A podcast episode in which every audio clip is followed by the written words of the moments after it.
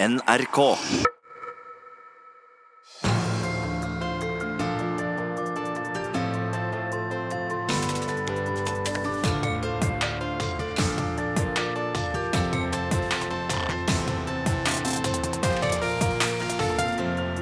I disse dager risikerer en biskop fengsel for å ha gitt en flyktning jobb. En arbeidsgiver i Stavanger er dømt for å ha tilsatt papirløse flyktninger i firmaet. De gode hjelperne bryter lova for å endre den, men når er det moralsk rett å ty til sivil ulydnad?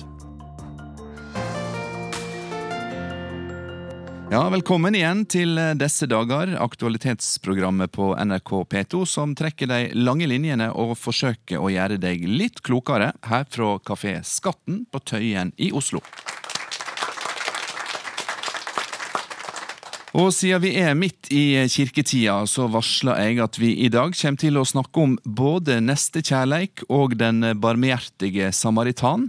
For to kristne sjeler har den siste tida havna i unåde hos politiet og i domstolene fordi de i den gode sak si tjeneste har brutt lova.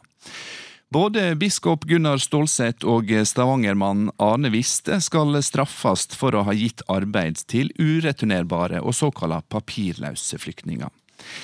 Hva gjør det med samfunnet at de som forbarmer seg over andre, blir forbrytere? Kan egentlig enkeltmennesket sette seg over lover de ikke liker? Det er spørsmålet vi stiller i dag, til advokaten som var soldat i Frelsesarmeen, professoren som har skrevet bok om den vanskelige ulydnaden, legen som er grenseløs, og forfatteren som møtte en grenselos.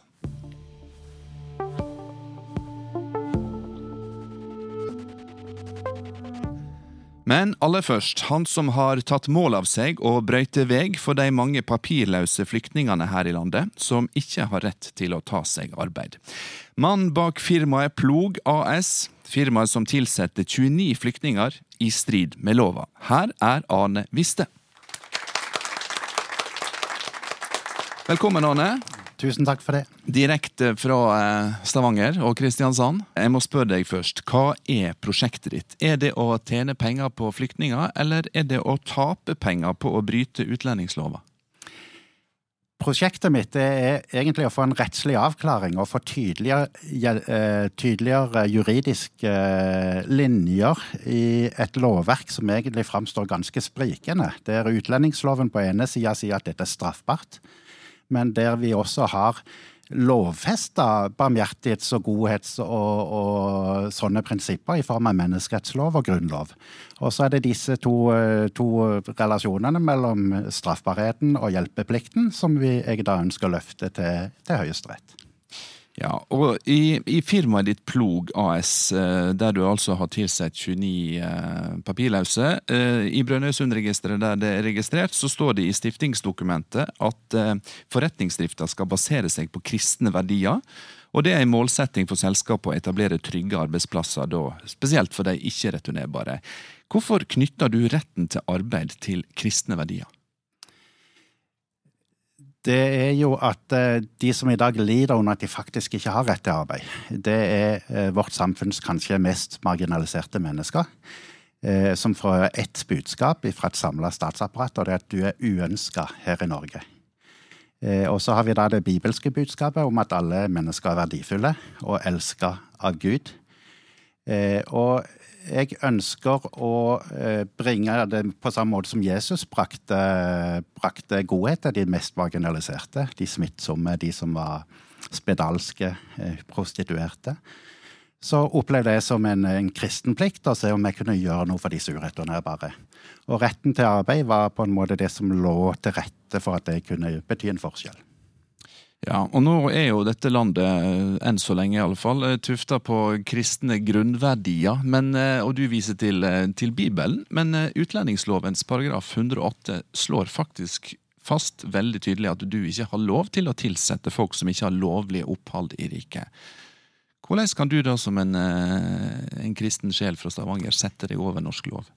Nå er det ikke de bibelske lovene eller skriftene som på en måte er utslagsgivende. Det er de lovfesta prinsippene som finner i Grunnlov og menneskerettslov. Og Grunnloven sier at statens myndigheter skal legge forholdene til rette for at ethvert arbeidsdyktig menneske kan ha arbeid. Mm. Og eh, Den gjelder for alle på norsk territorium. og Disse menneskene er ikke i den situasjonen at de gjemmer seg for politiet eller, eller driver med kriminalitet. Det er mennesker i dyp nød eh, som sjøl mener de har krav på beskyttelse, og som ikke har fått akseptert sitt beskyttelsesbehov i UNE og UDI sine vedtak.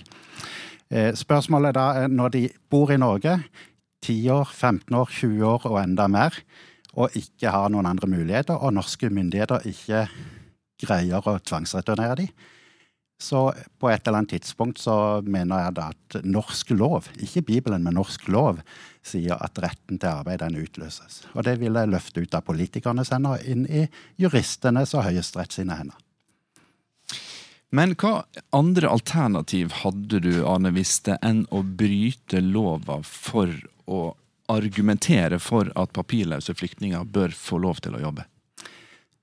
Jeg brukte to alternativer. Det første var å stille spørsmål til forvaltninga, der jeg fikk eh, svar, skriftlig svar, som omgikk hovedproblemstillinga. Og så tok jeg ut en sivilrettslig stevning av staten, av Justisdepartementet, for brudd på Grunnloven. Men eh, tingretten og lagmannsretten ville ikke gi meg tilgang til domstolene for å få prøvd det, spørsmålet.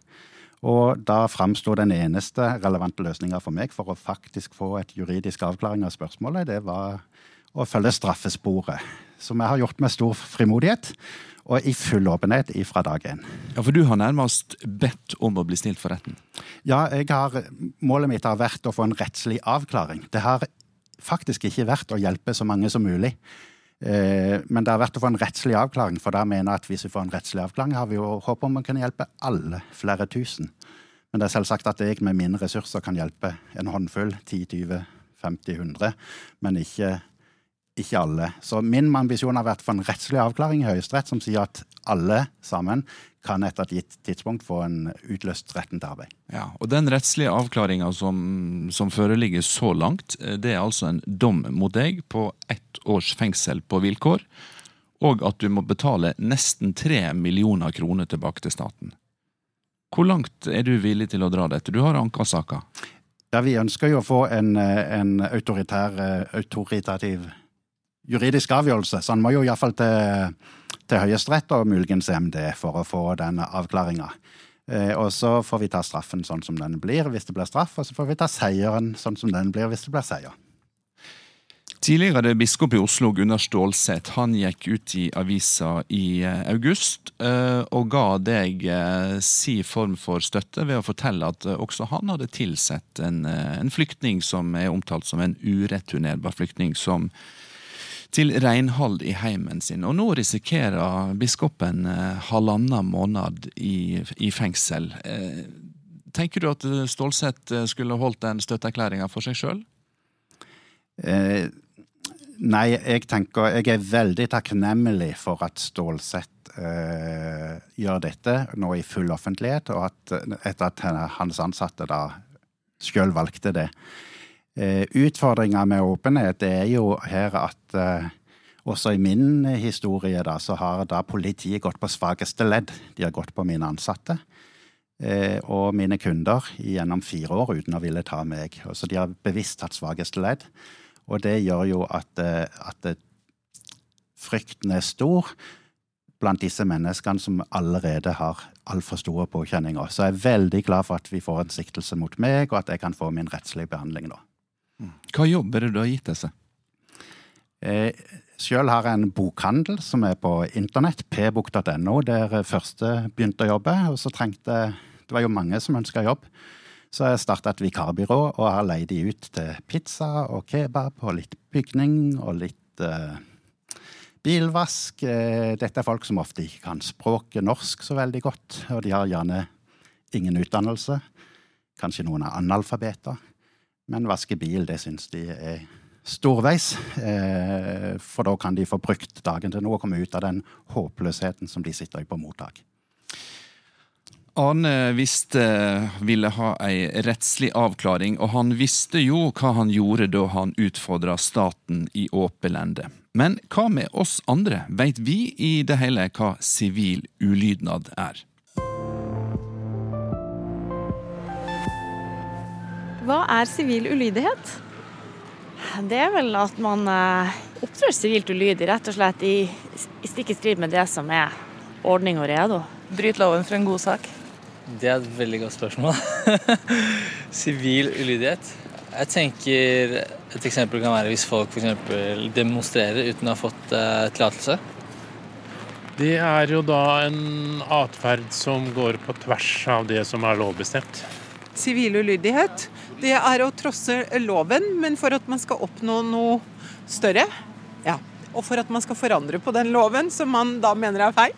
Det er vel når folk driver med demonstrasjoner og slikt. Hva er sivil ulydighet? Oi, det er et godt spørsmål. Eh, noe man av og til kan føle seg tvunget til å gjøre fordi ingenting annet funker. Det er når du eh, gjør noe mot eh, loven, men for din samvittighet.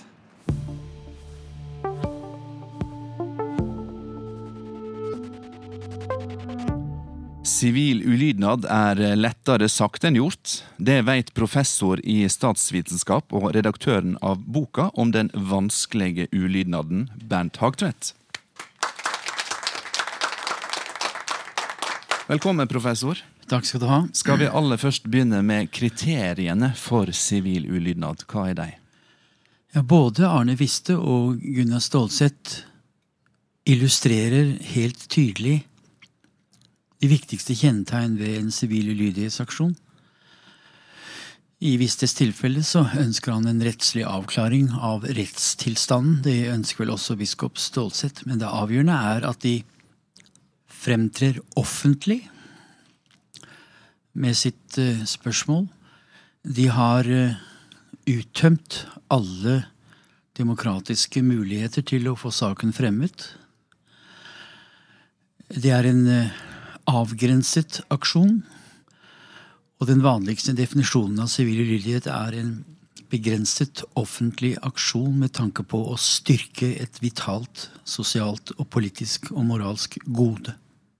Men hvorfor kaller du og andre denne formen for ulydnad for vanskelig?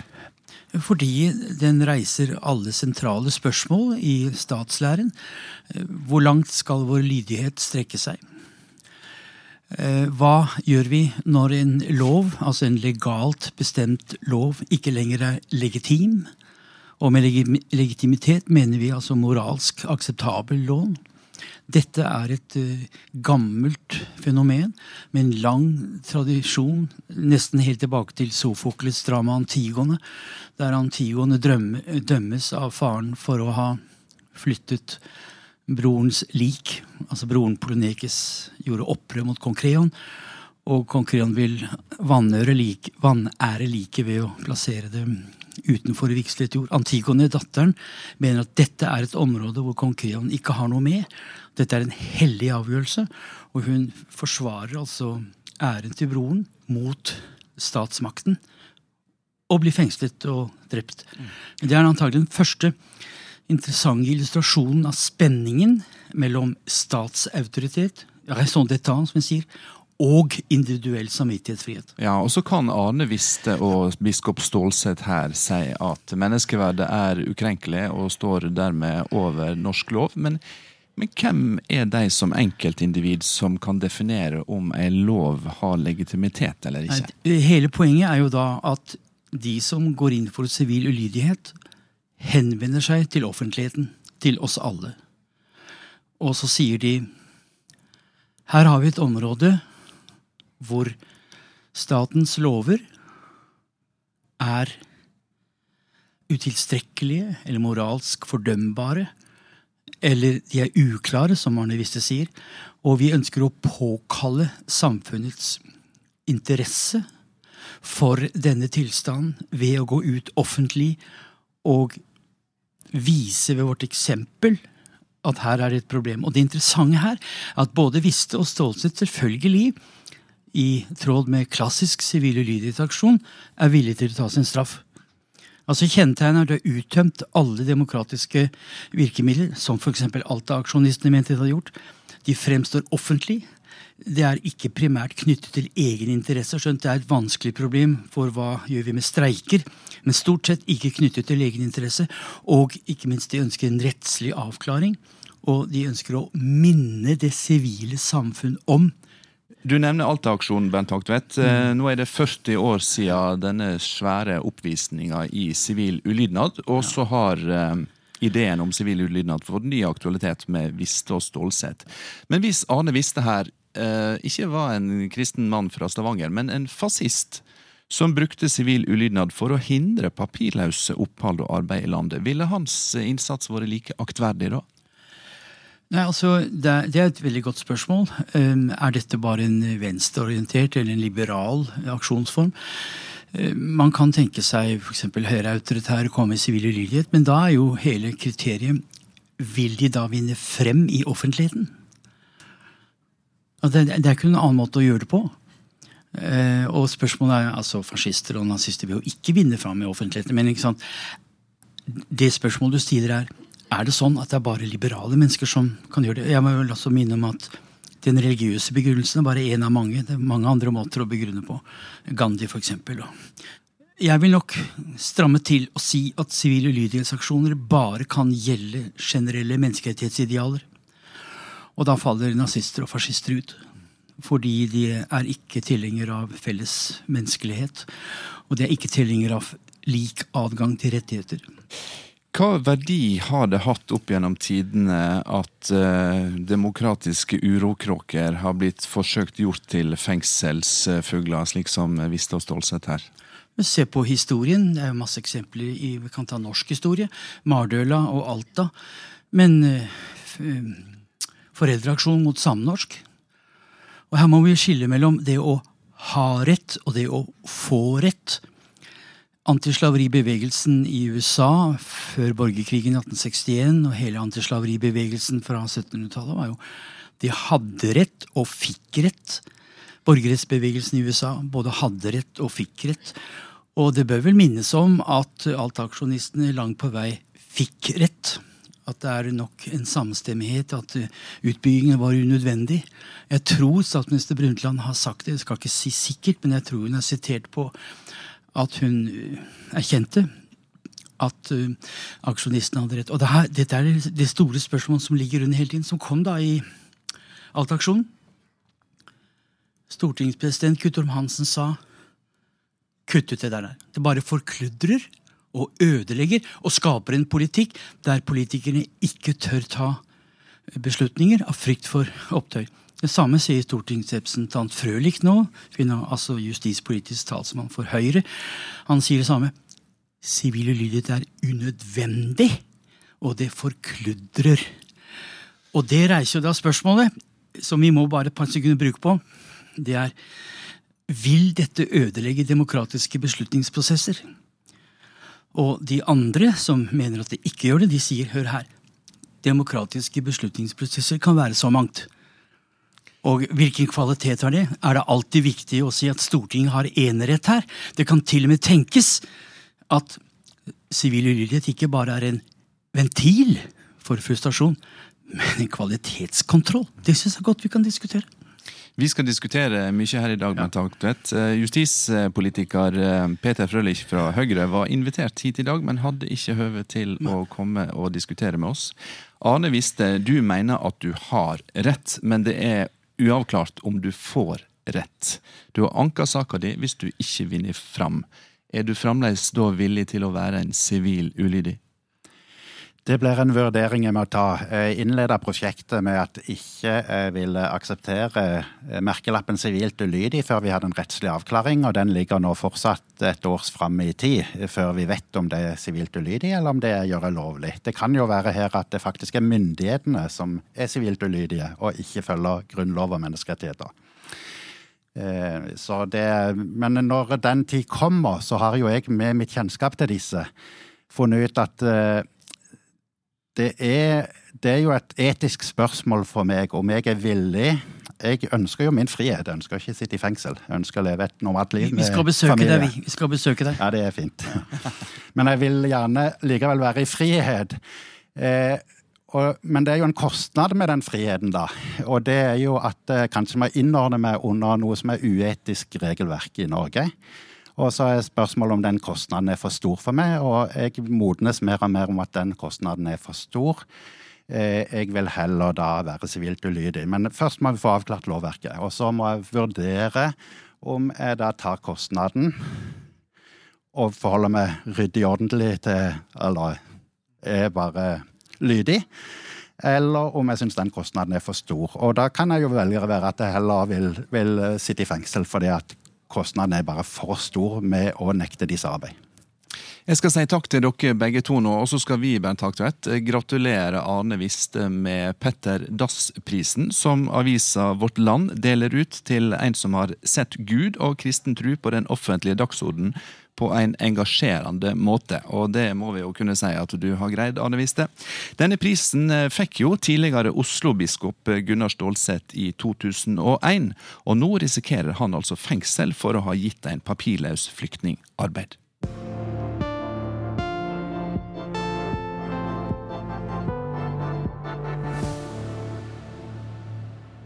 Ja, Om halvannen uke må tidligere biskop i Oslo Gunnar Stålseth møte i tingretten, sikta for å ha nytta ulovlig arbeidskraft.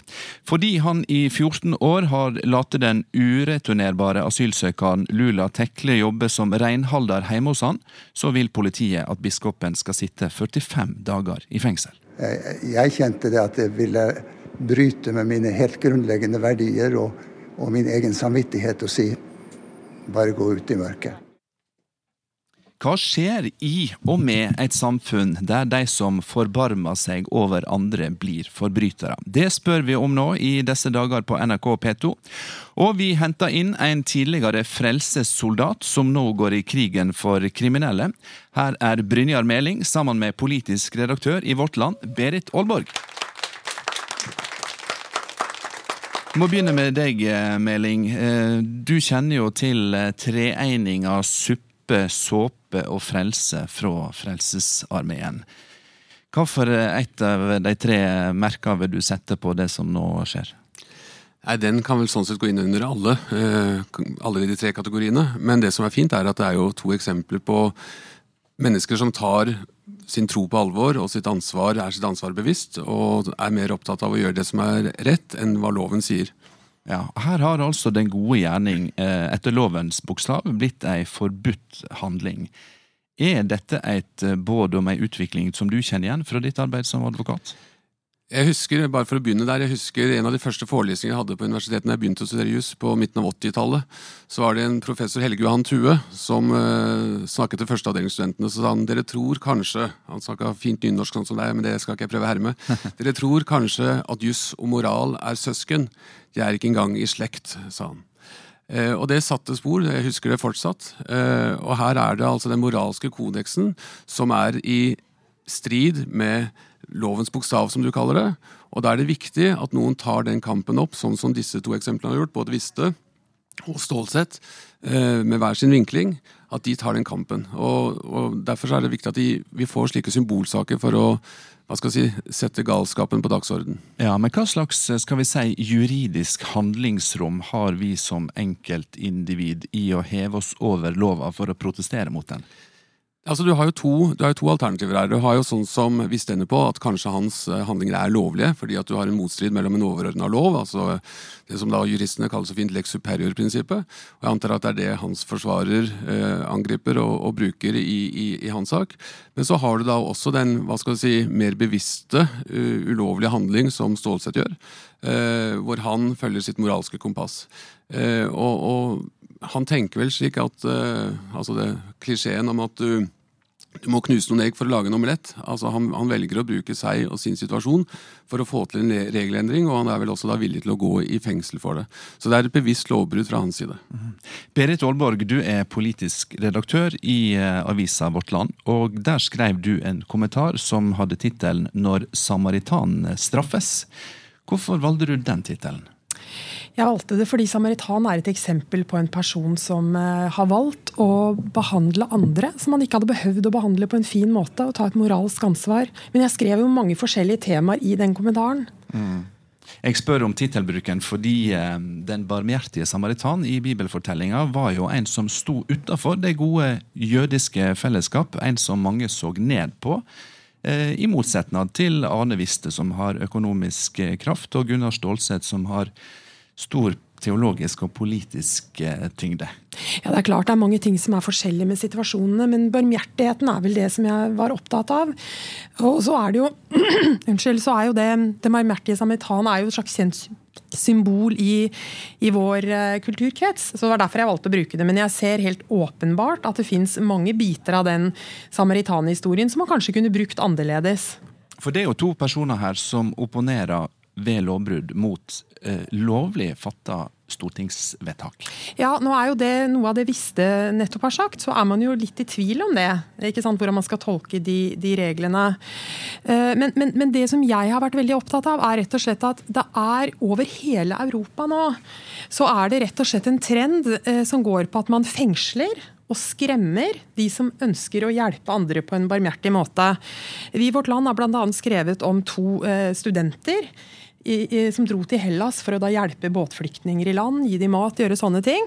Og Den ene fikk da 107 dagers fengsel sporenstreks, og begge to eh, kan stå i fare for å få 25 års fengsel i Hellas. Og jeg mener Det er en trend vi nå ser i Europa. Det er flere land. Dette var et eksempel. Det er flere land.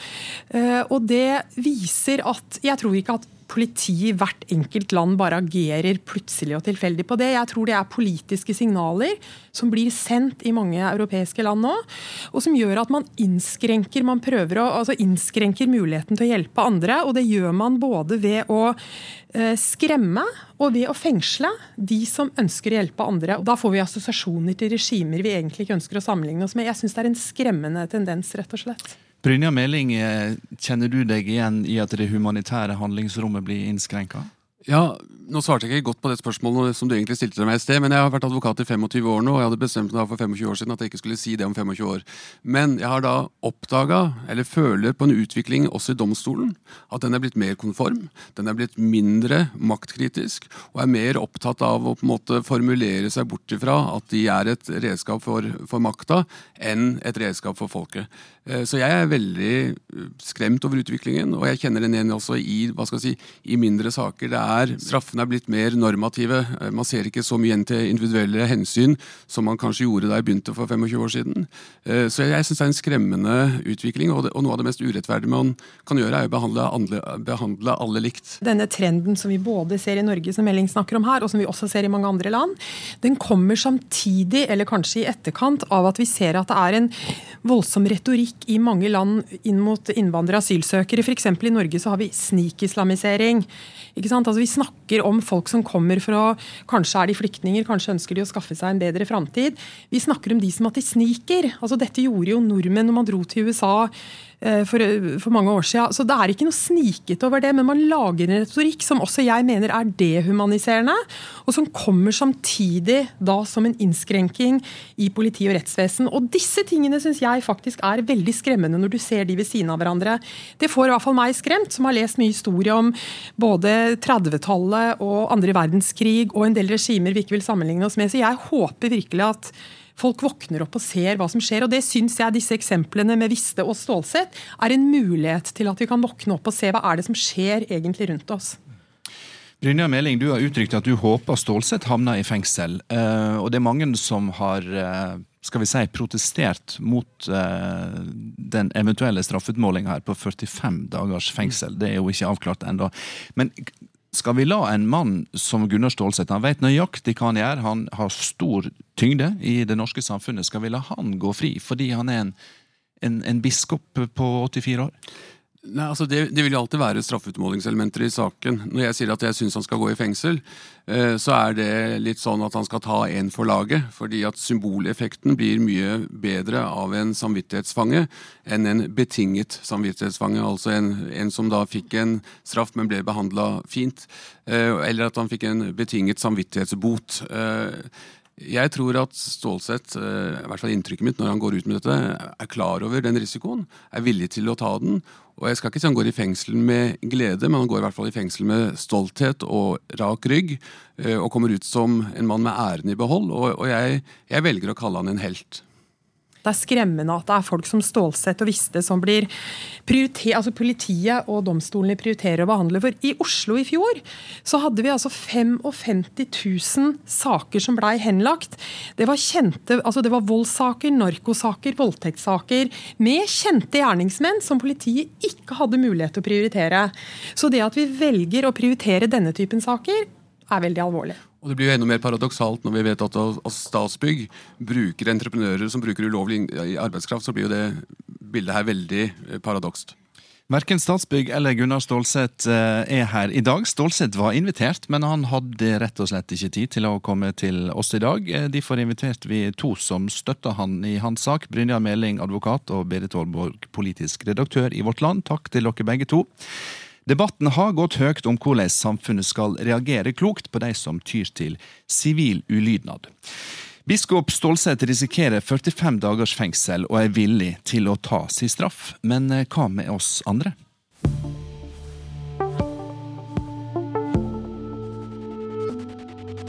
Hvilken sak er det du hadde vært villig til å risikere straff for? Jeg tror ikke jeg hadde gjort sivil ulydighet uansett, egentlig. Så det er vel ikke noe sak jeg kom på nå som hadde ført til det. Ja, det må jo være det man føler man brenner mest for, som betyr noe for en sjøl, men som òg betyr noe for andre. Jeg, jeg, liker å tro at eh, hvis det var tilfellet som Gunnar Stålseth er i, da, så hadde jeg vært villig til å ta en straff for å hjelpe en person som er i en sånn situasjon. Det har jeg ikke tenkt så mye på. Jeg holder meg innenfor loven. Jeg vil anbefale alle å holde seg innenfor loven. Ja. Du tenker at det ikke er noe positivt som kommer ut av sivil ulydighet? Jo, altså jeg støtter gutta og jentene i Hongkong. Så jo da, det finnes unntak. Jeg vet ikke helt sjøl. Jeg vet ikke hva jeg hadde turt å gjøre. Egentlig ingenting, kanskje. Hvilken sak ville du vært villig til å risikere straff for? Det må nok være noe som går på enten eh, klima, miljø eller eh, etiske spørsmål i så fall. De henger jo ofte sammen nå. så Ser vi gjerne at eh, klimaendringer rammer jo de som allerede har det vanskelig, hardest. Rivingen av Y-blokka. Det er verdt det. Akkurat nå så syns jeg Stålsett det han har gjort, å faktisk eh, gi arbeid til ei som er i limbo, eh, det støtter jeg. Og har borti lignende sjøl. Så ja, den type sivil ulydighet er jeg faktisk for. For jeg tror vi må få endra noe av det regelverket der. Du sier du har vært borti noe lignende før. Ja, altså man, man kjenner til flere som er i en sånn situasjon. De har ikke oppholdstillatelse, altså, og de trenger penger. Mange av dem har også barn. Eh, og hva er alternativet, egentlig? Altså, De har jo ingen rettigheter. Så det er jo ikke lov, og det er vel kanskje mer enn bare sivil ulydighet. Men ja, eh, jeg tenker at det er Noen må på en måte stå opp for de svakeste i samfunnet, og de er absolutt av de aller svakeste.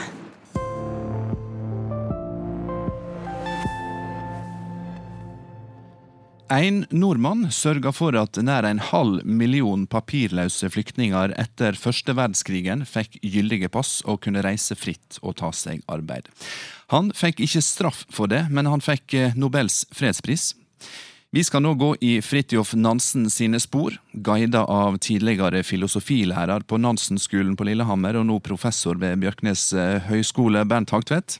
Hva problem var det Fridtjof Nansen gikk løs på tidlig på 1920-tallet? Det var mange flyktninger i kjølvannet av første verdenskrig, ikke minst fra Russland. Der Lenin hadde tatt makten ved et kupp i oktober 19, 1917. Og spørsmålet var Disse menneskene kunne ikke komme tilbake til sine opprinnelsesland. Det vil si, de var papirløse. De hadde ingen rettigheter, de kunne ikke reise. Og det Nansen gjør, det er altså å skille mellom opprinnelsesland og rettigheter. Han innfører sitt eget pass, som ikke har noe med opprinnelsesland å gjøre, men som gir rettigheter til å kunne reise og få en identitet. Og dette passet ble akseptert av 54 land, blått og bart i kraft av Nansens moralske posisjon. Det var et veldig eh, en veldig interessant sak. Han finansierte det ved hjelp av et frimerke som han satte på passene. Og det er vel en av de flotteste aksjoner som vi har hatt eh, jeg vil si, det 20. århundre.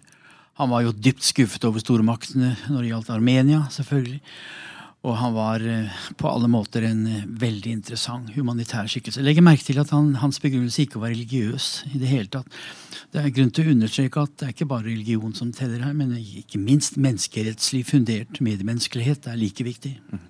Nansen-passet ga rett til eh, å reise dit en ville, og det ga også rett til å ta arbeid. Var den retten viktigere den gang på 1920-tallet enn i dag? Det er et veldig godt spørsmål. På 20-tallet så hadde vi iallfall ikke muslimske innvandrere. Man kunne argumentere med at det gjorde saken noe lettere. Fordi muslimsk innvandring støter an mot kulturelle mottaker. Det er en litt annen, vanskelig situasjon. Så Sånn sett var det vel noe lettere. Men det var jo store menneskemengder det dreide seg om. Vi fikk jo eh, russiske emigrantmiljøer over hele Europa. Det fins bl.a. En, det kom en liten kontingent til Lillehammer, husker jeg. Så det ga jo beskyttelse til en veldig utsatt gruppe mennesker. Men antagelig var det lettere i en viss forstand enn i dag. fordi den gang var det ikke store kulturelle forskjeller. Men var det ingen uh, motkrefter? Var det ingen som var skeptiske til uh, Nansen-passet og alt det innebar? Uh, det vet jeg ikke nok om, men jeg vil tippe at eh, det kom motargumenter mot jødisk eh, immigrasjon. Det vil ikke overraske meg om det skjedde i England. Jeg tror, Og det skjedde selvfølgelig i mellomkrigstiden i Norge.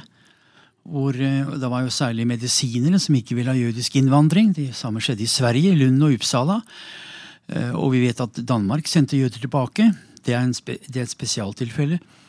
Men jeg tror ikke at altså vet, Det gjaldt primært jødevesenet, men det kan jeg ikke noe om. Det er et veldig interessant spørsmål. Der. Men det du kan veldig mye om, Bernt Hagtvedt, det er Fridtjof Nansens rolle uh, i det humanitære arbeidet. Vi kjenner han jo kanskje best som polfarer, men hans uh, humanitære innsats, hvor viktig var den på den tida? Han syntes at enkeltmennesket var viktigere enn ulike regjeringer. Og det Nansen setter opp som et ideal, det er jo at vi må passe oss for regjeringer som definerer for mye av moralen. Han forsøkte å få britisk finansiering til eh, utbygginga av ørkenområder i Armenia sammen med Vidkun Quisling, som var en meget effektiv og kunnskapsrik sekretær for Nansen i den tiden der. Og, eh, og så plutselig så trekker altså eh, regjeringene sine løfter om finansiering tilbake. Og da løper Nansen over til uh, Cecil. Robert Cecil var det vel, i den britiske regjeringen sånn You, you governments, you are barbarians. Og så sier Cecil Aren't all governments barbarians? Altså en kynisme uten like. Og Nansen reagerte voldsomt på at vestlige regjeringer ikke ville støtte Sovjetunionen under de store sultkatastrofene fordi Sovjetunionen da var kommunistisk.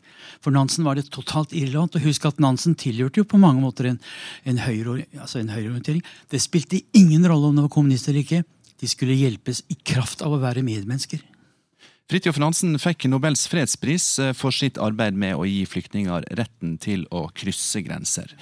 Nå skal vi snakke om de som ikke hadde lov til å krysse grenser, men som gjorde det likevel, med livet som innsats.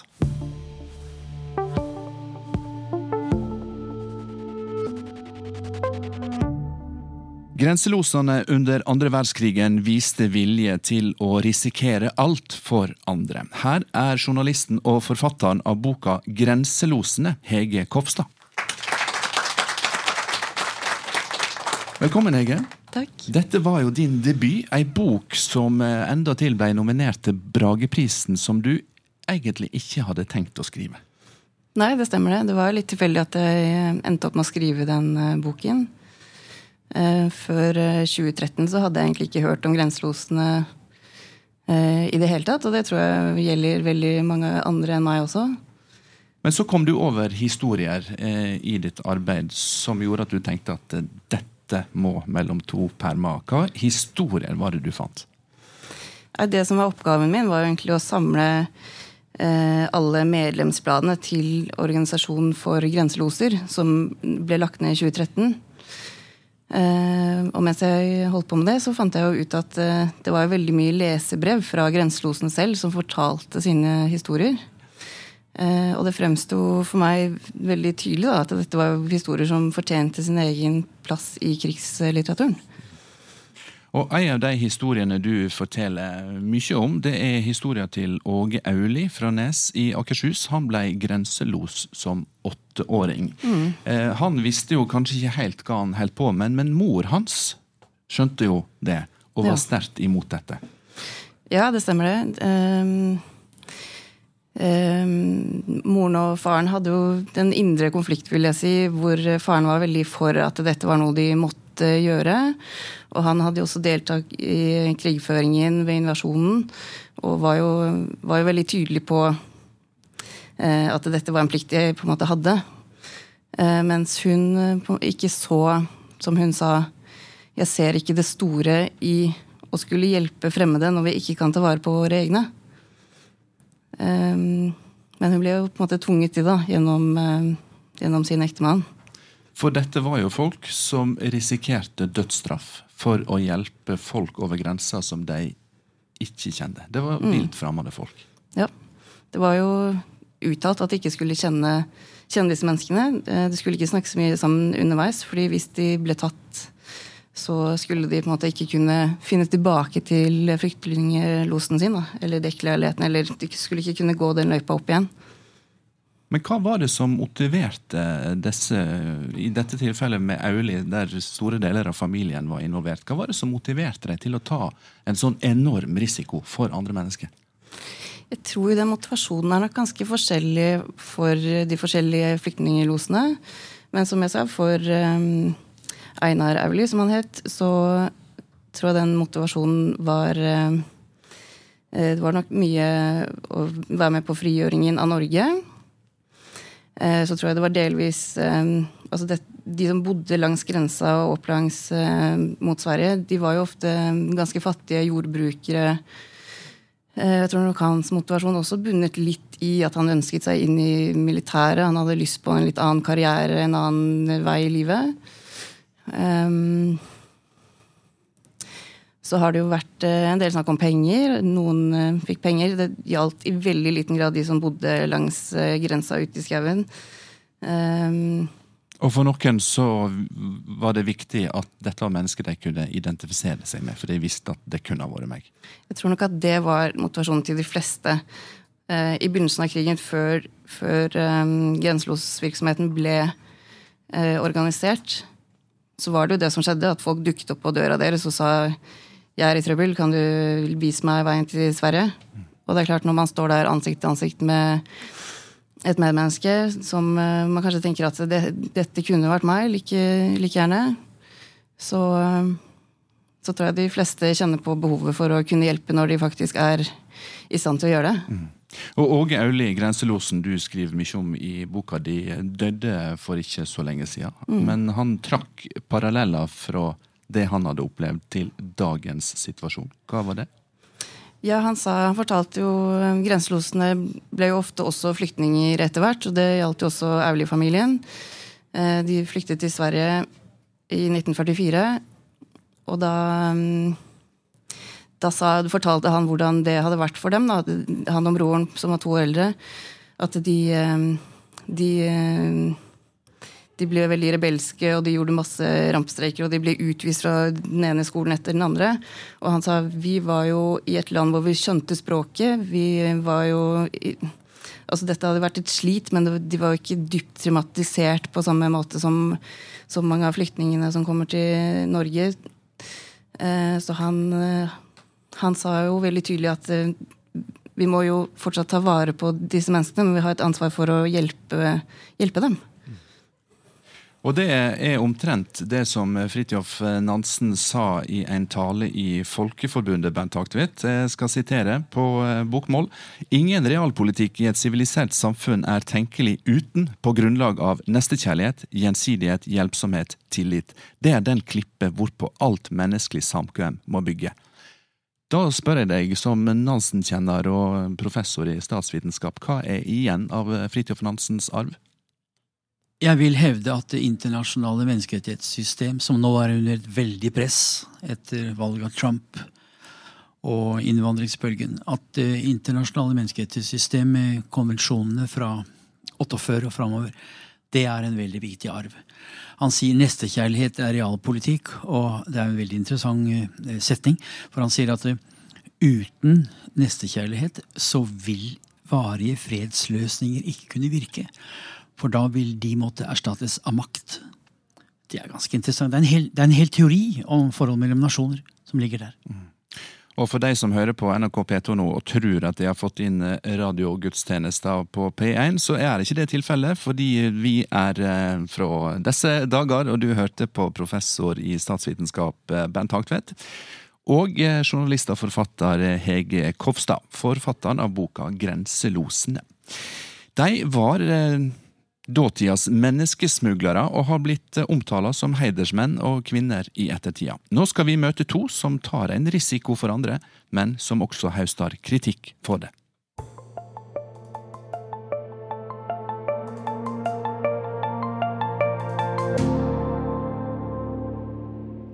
Nå skal vi si velkomne til Cecilie Bråten fra hjelpeorganisasjonen Dråpen i havet og Karine Nordstrand fra Leger uten grenser. Starter med deg, Cecilie. Du er prosjektkoordinator for eh, Dråpen i havet, som jobber med migranter ved Middelhavets bredd.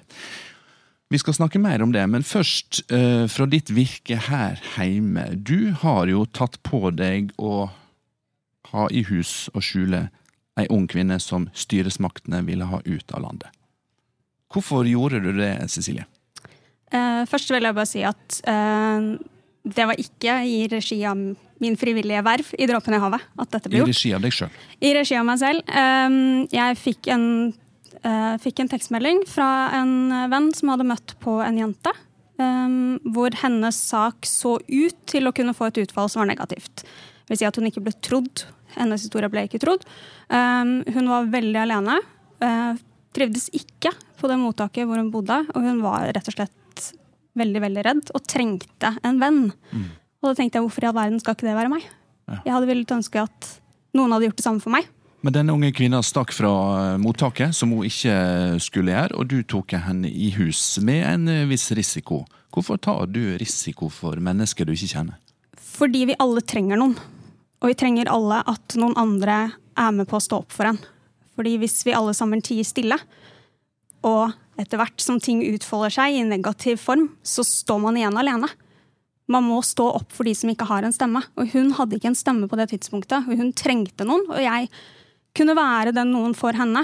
Og hvis det skulle vise seg at på et eller annet tidspunkt senere hvor hun fikk et avslag eller et utkastelsesordre, um, så var jeg villig til å ta den eventuelle straffen som måtte komme, for jeg følte så på at det at hun ikke ble trodd på hennes historie, var så feil. Nå skal vi eh, ikke snakke om hva du har gjort i Norge som eh, privatperson, men hva du har gjort i Hellas eh, sammen med organisasjonen Dråpen i havet, som har et stort frivillig arbeid der. Dette er et arbeid som er erklært uønska av mange. Hvordan oppleves det? Jeg kan forstå at de som ikke ser og opplever det jeg og frivillige eh, i Hellas og andre land som er rammet av, av mennesker på flukt, ikke, ikke, forstår hva de må gjennomgå. Hva disse menneskene er nødt til å gjennomgå. Ikke bare på selve flukten, men også oppholdet. Hvor forferdelig det er i disse leirene. Men jeg klarer ikke å forstå at man ikke vil hjelpe.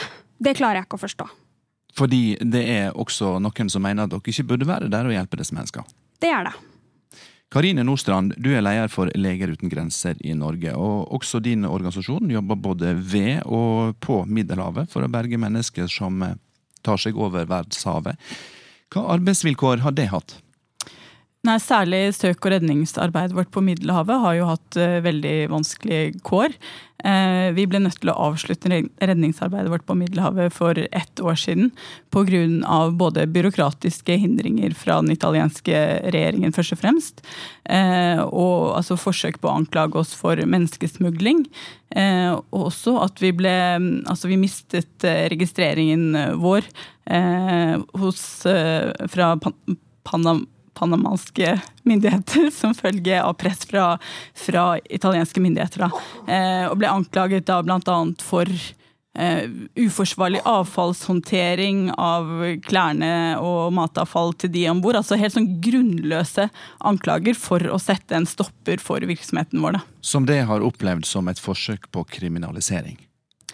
Ja, altså Særlig disse anklagene om at vi samarbeider med menneskesmugling. Eh, menneskesmuglere er jo forsøk på å kriminalisere virksomheten, og også disse anklagene om eh, uforsvarlig avfallshåndtering, som jo egentlig heller handler om et eh, ønske om at vi ikke skal gjøre den jobben vi gjør.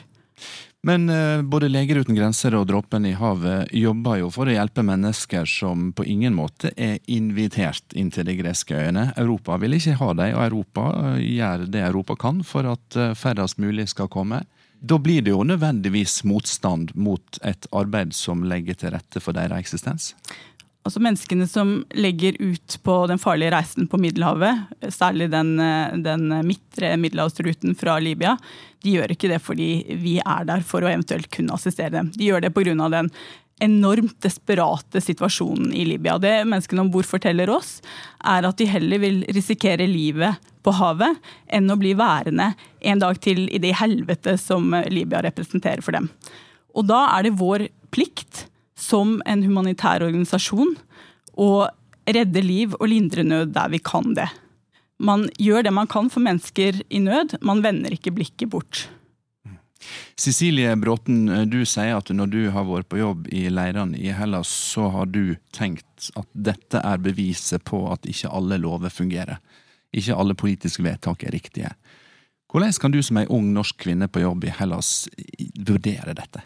Når man ser kommentarfeltet, og man ser hvor polarisert debatten har blitt, og så sammenligner man de utsagn som kommer om at dette her er mennesker som ønsker å snike seg inn og eh, ha sugerør inn i statskassen og velferdssystemet vårt, og så ser man forholdene som er der nede. Man ser barn som selvskader. Eh, enslige mindreårige, separerte enslige mindreårige.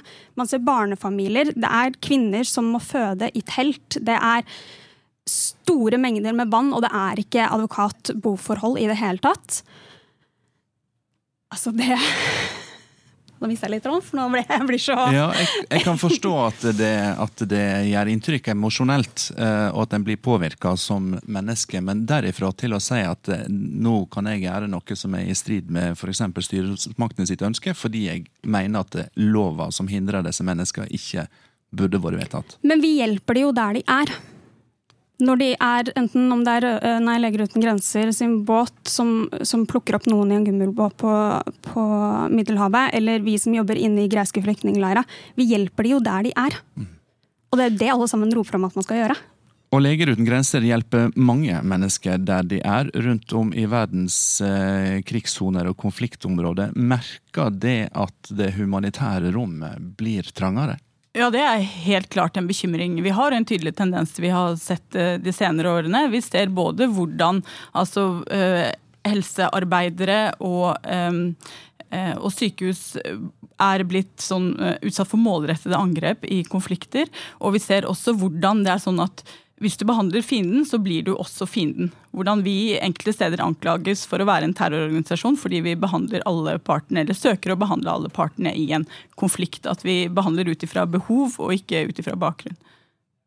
Karine Nostrand fra Leger uten grenser, tusen takk for at du kom til disse dager. Takk også til deg, Cecilie Bråten fra Dråpen i havet.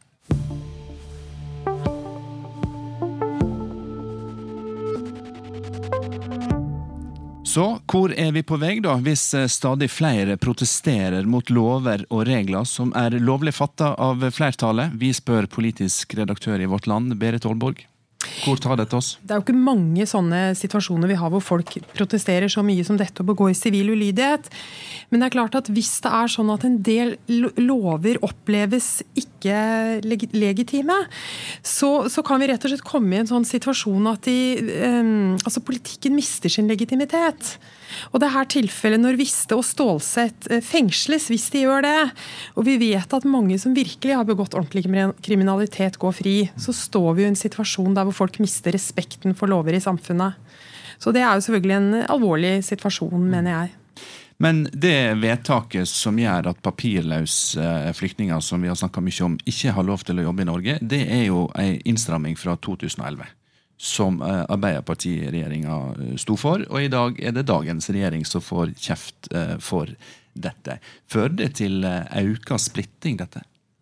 Ja, jeg tror det kan føre til, til økt splittelse. og jeg, Vi ser jo i alle, eller i hvert fall ganske mange partier, så er det mennesker som, som, som opplever at dette ikke er eh, det er ikke, no, det er ikke, bra lover. Men det er klart at det kan føles en, en splittelse mellom de som sitter med makt, og de som ikke gjør det til enhver tid. For det er riktig at både Arbeiderpartiet, Høyre og Fremskrittspartiet har vært veldig opptatt av at den loven bør strammes inn, og de andre har vært med på det. Ja, og Nå er det to eh, kristne frontfigurer, en eh, høgkirkelig og en lågkirkelig, som front støtta kampen for papirløse sine retter. Styrker eller svekker det saka, at dette er to som lett kan kalles både godtruende og godhetstyranner og hva vet jeg? Det er litt sånn vanskelig å si om det styrker eller, eller, svekker saken, men det er noe med at det går så langt inn i trosdimensjonen for, for, folk. Det er ikke bare demonstrasjoner som noen har liksom valgt å gjøre veldig sånn plutselig, men dette er jo ting altså Det er samvittighetsspørsmål som har vært veldig grunnleggende for disse to menneskene, og det tror jeg veldig mange mennesker ser. Så Sånn sett styrker det saken. Men det er klart at det er også mange som er forferdelig uenig i det både Stålsett og Viste gjør, og, og, folk som skriver at endelig gjør politiet jobb, jobben sin ute i kommentarfeltene. så sånn sånn sett det nok litt, kan det nok være litt polariserende. Berit Aalborg, politisk redaktør i Vårt Land, takk for eh, disse ordene i disse dager på NRK P2.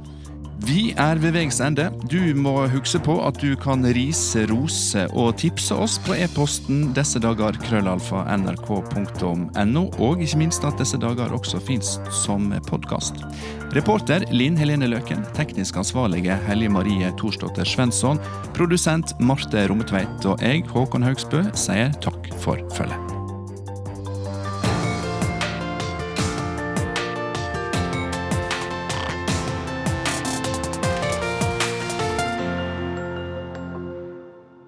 NRK.